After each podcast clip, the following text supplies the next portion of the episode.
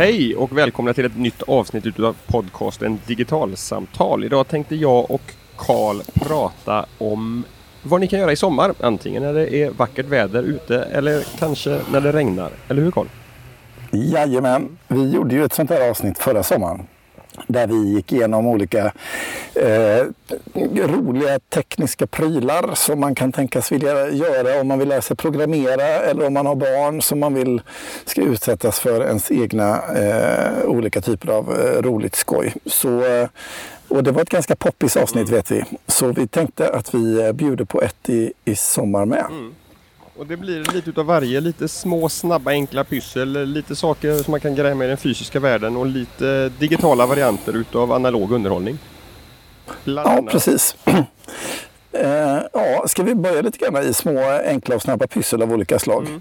För där är det, ju, det finns ju så mycket kul man kan göra med eh, teknik och för att förstå teknik och koppling till samhälle och varför det är viktigt och så vidare. Eh, både för barn och eh, vuxen.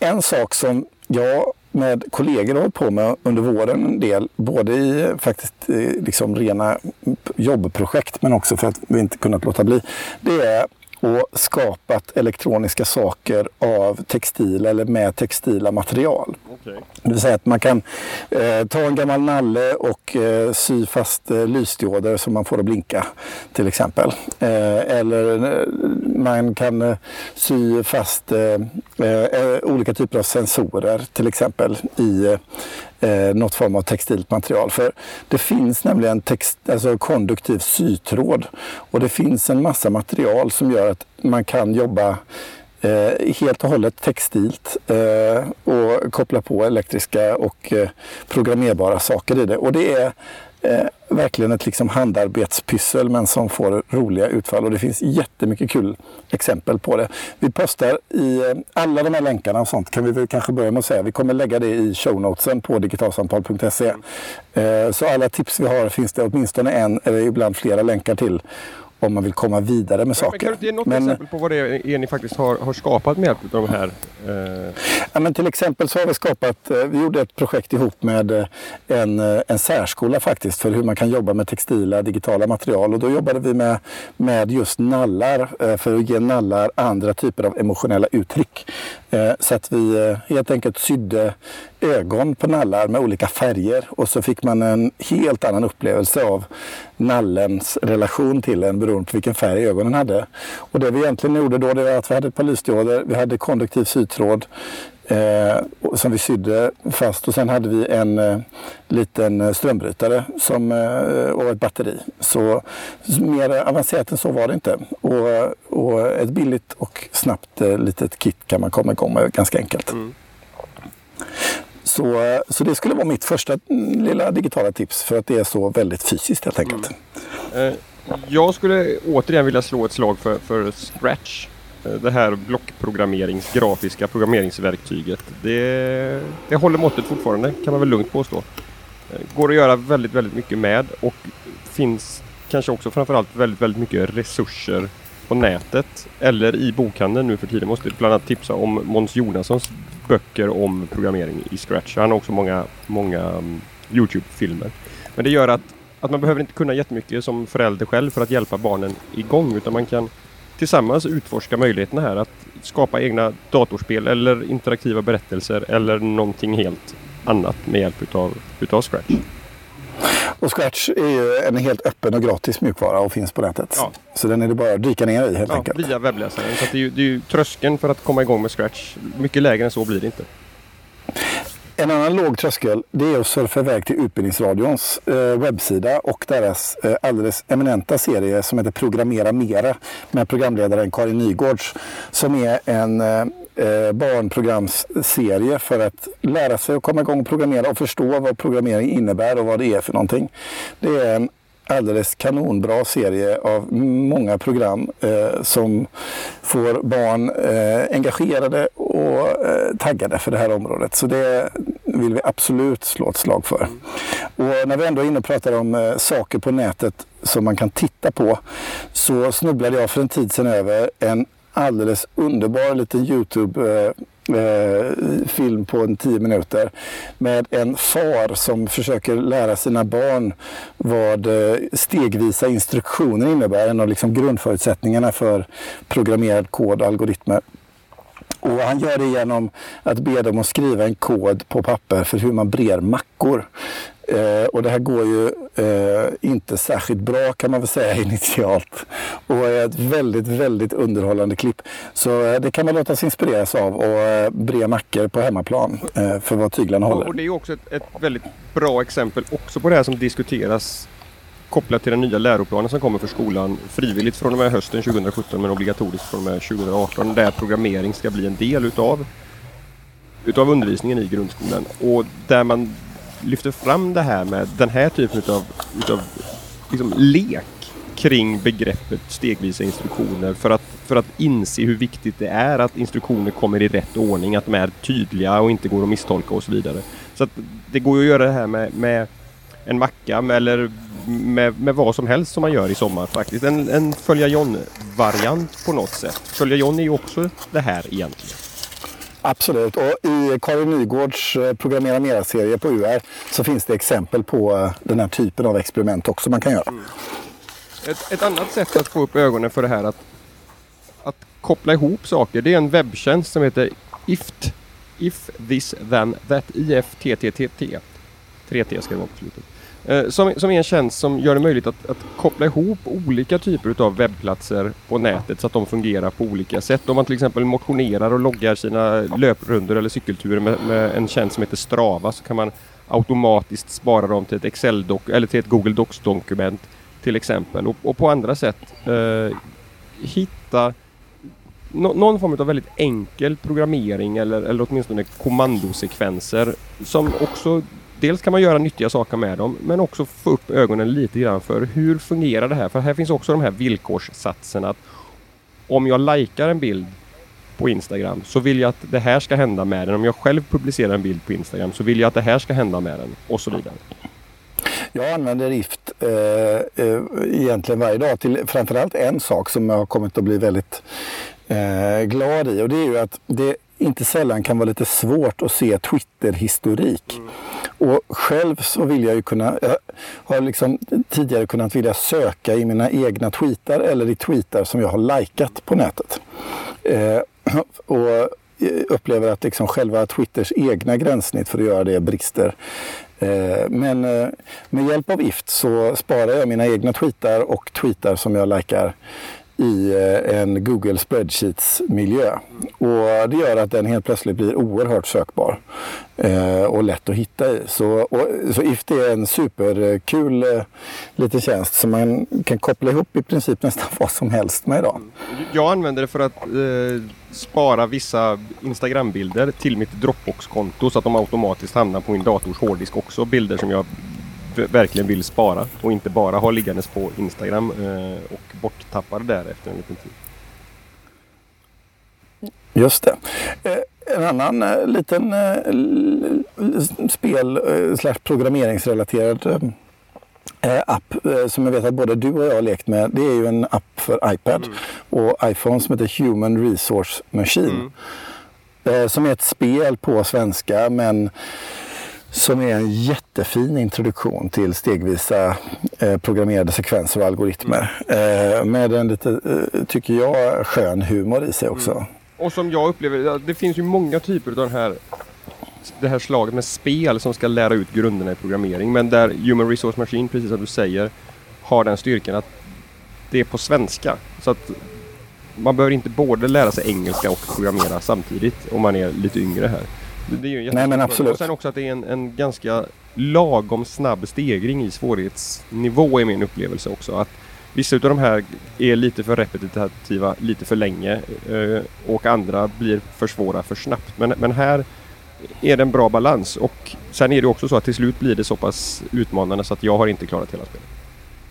Nej, det, det, jag måste säga att jag tycker verkligen om det. det. Men det är också min eh, humor får man nog säga. Så, så det kan vara lite smak där också.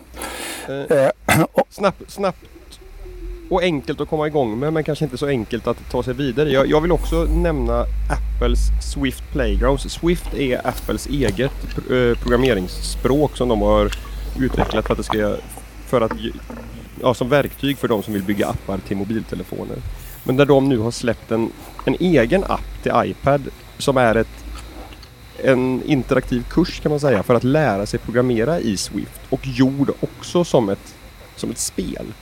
Eh, alltså utlärningen i form av ett spel som påminner delvis om Human Resource Machine på, på sätt och vis eller andra sådana här med, med, med, stegvisa utmaningar där man får lära sig programmera men där det då handlar om att skapa riktig programkod. Så att det man lär sig i Swift Playgrounds det går faktiskt att på sikt att omsätta i förmågan att utveckla appar för, för Apples prylar.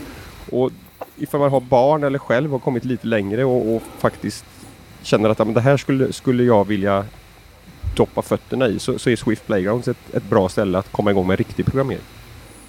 Absolut. E-, ett annat ställe, om vi går över till att koda lite grann i den fysiska världen. Eh, använda mikrokontroller och sånt där. En annan plats som också är en bra ingång om man vill börja programmera riktig kod men även blockprogrammering, alltså sån här mer som Scratch.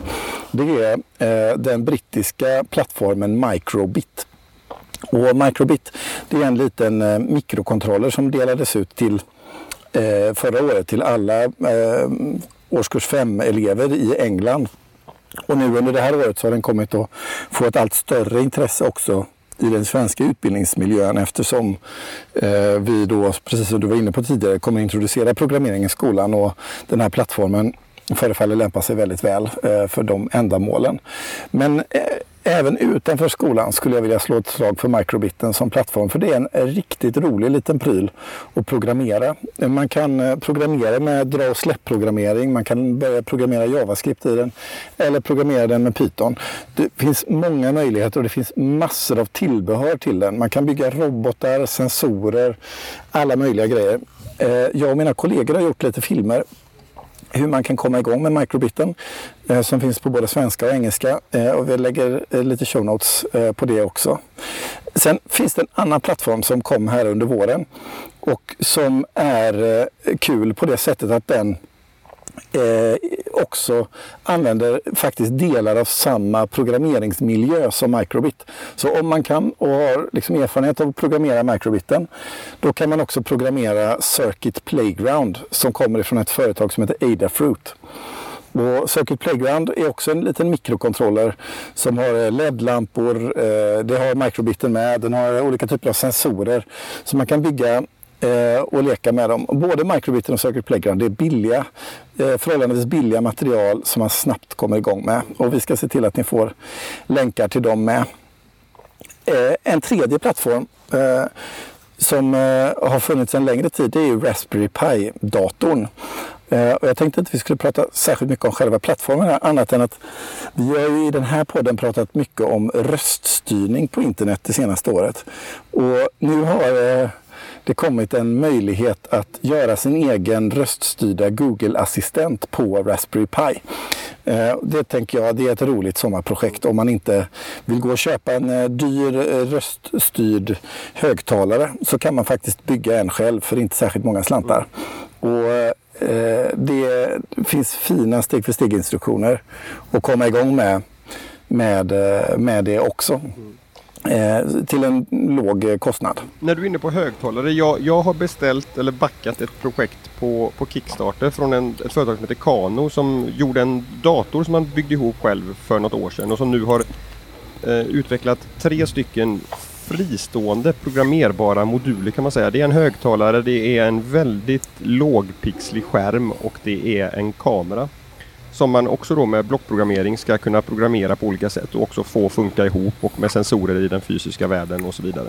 Så att det är någonting som jag tipsar om oprövat därför att Kickstarter-prylarna eh, har inte levererats än men det är någonting som jag hoppas på ska komma här under sommaren, åtminstone någon av dem så att jag kan labba mig ihop med barnen. Förra året så prövade jag ju Kanos eh, eh, tidigare eh, projekt som de gjorde. De gjorde en Raspberry, Raspberry Pi-baserad eh, laptop, Kano-datorn. Eh, som jag måste säga var väldigt fin. Eh, så allting tyder på att det kommer antagligen gå ganska bra med den där kickstarten. Eh, tror jag. jag tror så vi får väl se. Du får berätta när den har kommit sen hur, hur du tycker om Eh, sen har vi den gamla trotjänande plattformen för att programmera i den fysiska världen som heter Arduino. Eh, det är ju ett jättestort ekosystem av olika typer av eh, eh, plattformar som bygger på samma typ av mjukvara och till viss del hårdvara. Och vill man lära sig att programmera egna saker i den fysiska världen så är det för väldigt många så är Arduino det första man möter just eftersom det är en så stor och bred plattform. Ehm, Tröskeln är lite högre än eh, exempelvis eh, microbiten och Circuit Playground eh, i vissa avseenden. Men eh, möjligheterna är å andra sidan väldigt, väldigt stora. Och för att kunna komma igång med till exempel Arduino men även många andra sådana här sommarhobbyprojekt så finns det en webbmiljö som vi lägger i shownotesen som heter Instructables. Som nog har kommit att bli en av mina favoritplatser på nätet. Just på det att det är en tjänst eh, som är lite grann som en kollaborativ gemensam receptsamling. Eh, så att jag kan skriva ett recept och du skriver ett recept och en tredje person ett tredje recept. Och de här recepten de eh, innehåller bilder och filmer och länkar och vad det kan vara för någonting. Men vad recepten handlar om det är alla möjliga saker man kan bygga. På Instructables finns allt ifrån hur man snider ihop en träskål till hur man programmerar ett eh, vattensprinklersystem i trädgården med eh, Arduino till exempel. Eller bygger en egen elbil. Så alla möjliga olika typer av eh, hobbyprojekt som man själv vill göra finns beskrivna där eh, av andra entusiaster i sin lilla nisch. Så en väldigt rolig plats att eh, titta in. Sen skulle jag vilja slå ett slag för skärningen mellan pekplattor och traditionella brädspel, nämligen ett antal riktigt bra konverteringar utav brädspel som normalt sett spelas på köksbordet som finns i plattversioner istället. Och då kan man fråga sig, ja, men varför skulle man vilja ta in det, det fysiska spelet i en, i en pekplatta? Och det, vi är en spelande familj i ganska stor utsträckning hemma. Och det här är dels ett sätt att ha med fler spel på resan därför att de tar inte någon fysisk plats. Det är ett lägre pris att köpa spelen på.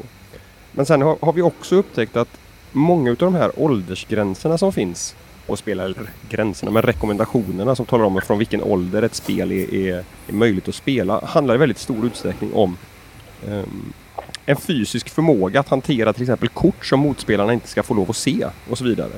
Och här finns inte det problemet därför att här hjälper appen till. Så att eh, om, man kan förstå reglerna och förstå spelmekaniken så är det möjligt att spela ett spel innan man fysiskt skulle kunna klara av att hantera allt. Alla kort.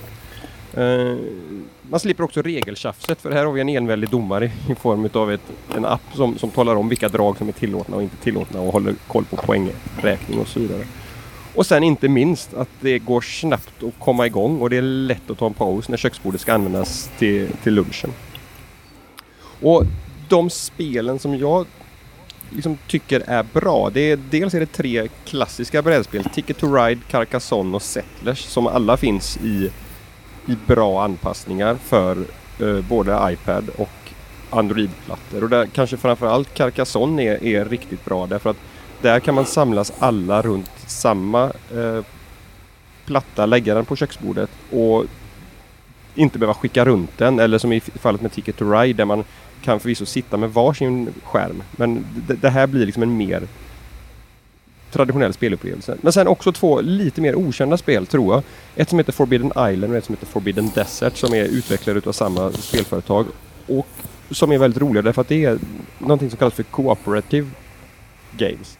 Där man alltså samarbetar mot spelet. Antingen så lyckas man lösa den här uppgiften som i Forbidden Island handlar om att hitta skatter och i Forbidden Desert bygga ett, rym- ett luftskepp som man kan ta sig ur en öken. Men där man måste samarbeta och misslyckas någon så misslyckas alla. Och det är ju väldigt bra i en familj där, där det ibland kan vara tufft att vara den som förlorar. Så det, det, det är både som princip och fem jättebra spel att ta med sig på semestern i sommar.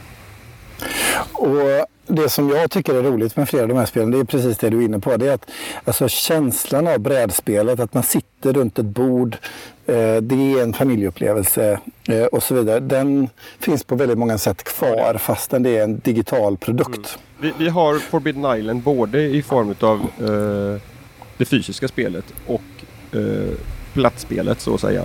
Och just det här snabbheten och enkelheten i att spela det på plattan gör att vi spelar det spelet oftare än vad vi skulle ha gjort annars. Därför att man hinner är det sent på kvällen så hinner man ändå dra igång en omgång därför man vet att det tar inte någon tid att komma igång och det tar inte någon, någon tid att plocka undan efteråt heller. Så att, och som sagt spelupplevelsen skiljer sig egentligen inte åt därför att du lägger plattan mitt på köksbordet och sen så samlas du runt den spelplanen. Det, jag har precis samma upplevelse på det spelet du pratade om tidigare, Ticket to Ride, tågspelet.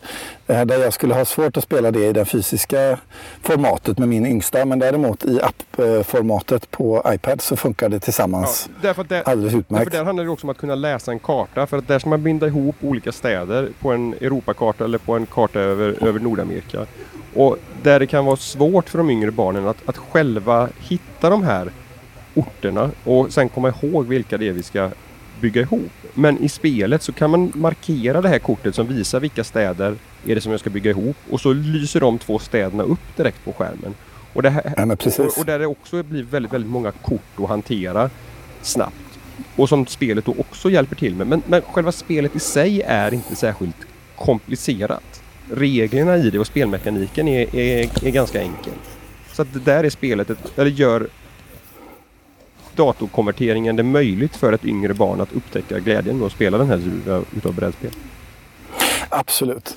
Eh, jag kan inte låta bli heller att slå ett slag för någonting som är liksom ett kanske lite dyrare sommarprojekt. Eh, men om det skulle vara så att det regnar under en längre tid och man känner att man kan punga ut med en eh, rejäl slant för någonting som, som är riktigt skoj, tycker jag i varje fall, så är det Eh, de mer högkvalitativa VR-miljöerna där ute. Och den som jag själv har upplevt mest eh, det är den som eh, är gjord av HTC, som heter HTC Vive ihop med Steam.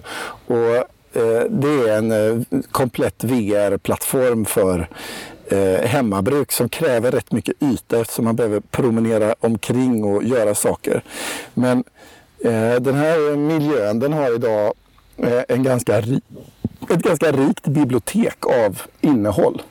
Eh, och en gäng appar är verkligen alldeles fascinerande. Eh, de som jag själv kommit att uppskattar absolut mest det är faktiskt de som är kan man säga, egentligen närmast de vanliga appar vi har i, i, i datorn. En av dem det är eh, Googles eh, Tiltbrush-mjukvara som är egentligen ett ritprogram för VR. Där jag kan så att säga, promenera omkring i VR-världen och rita och skapa i tre dimensioner eh, olika typer av eh, objekt och eh, eh, saker. Det är precis som att kunna teckna och måla i, i, två dimensioner. Det är bara det att man helt plötsligt har en djupdimension att skapa i som man själv kan vara en del av. Eh, och det är en, en alldeles magisk upplevelse. Likadant upplevelsen av att vara inne i Googles Google Earth i VR är en alldeles spännande och unik upplevelse där man kan promenera omkring i Google Street Maps i, bland gator och torg i andra städer. Man kan eh, uppleva storheten i Grand Canyon genom att vara i den eh, och så vidare. En, eh, en verkligen verkligen kraftfull upplevelse.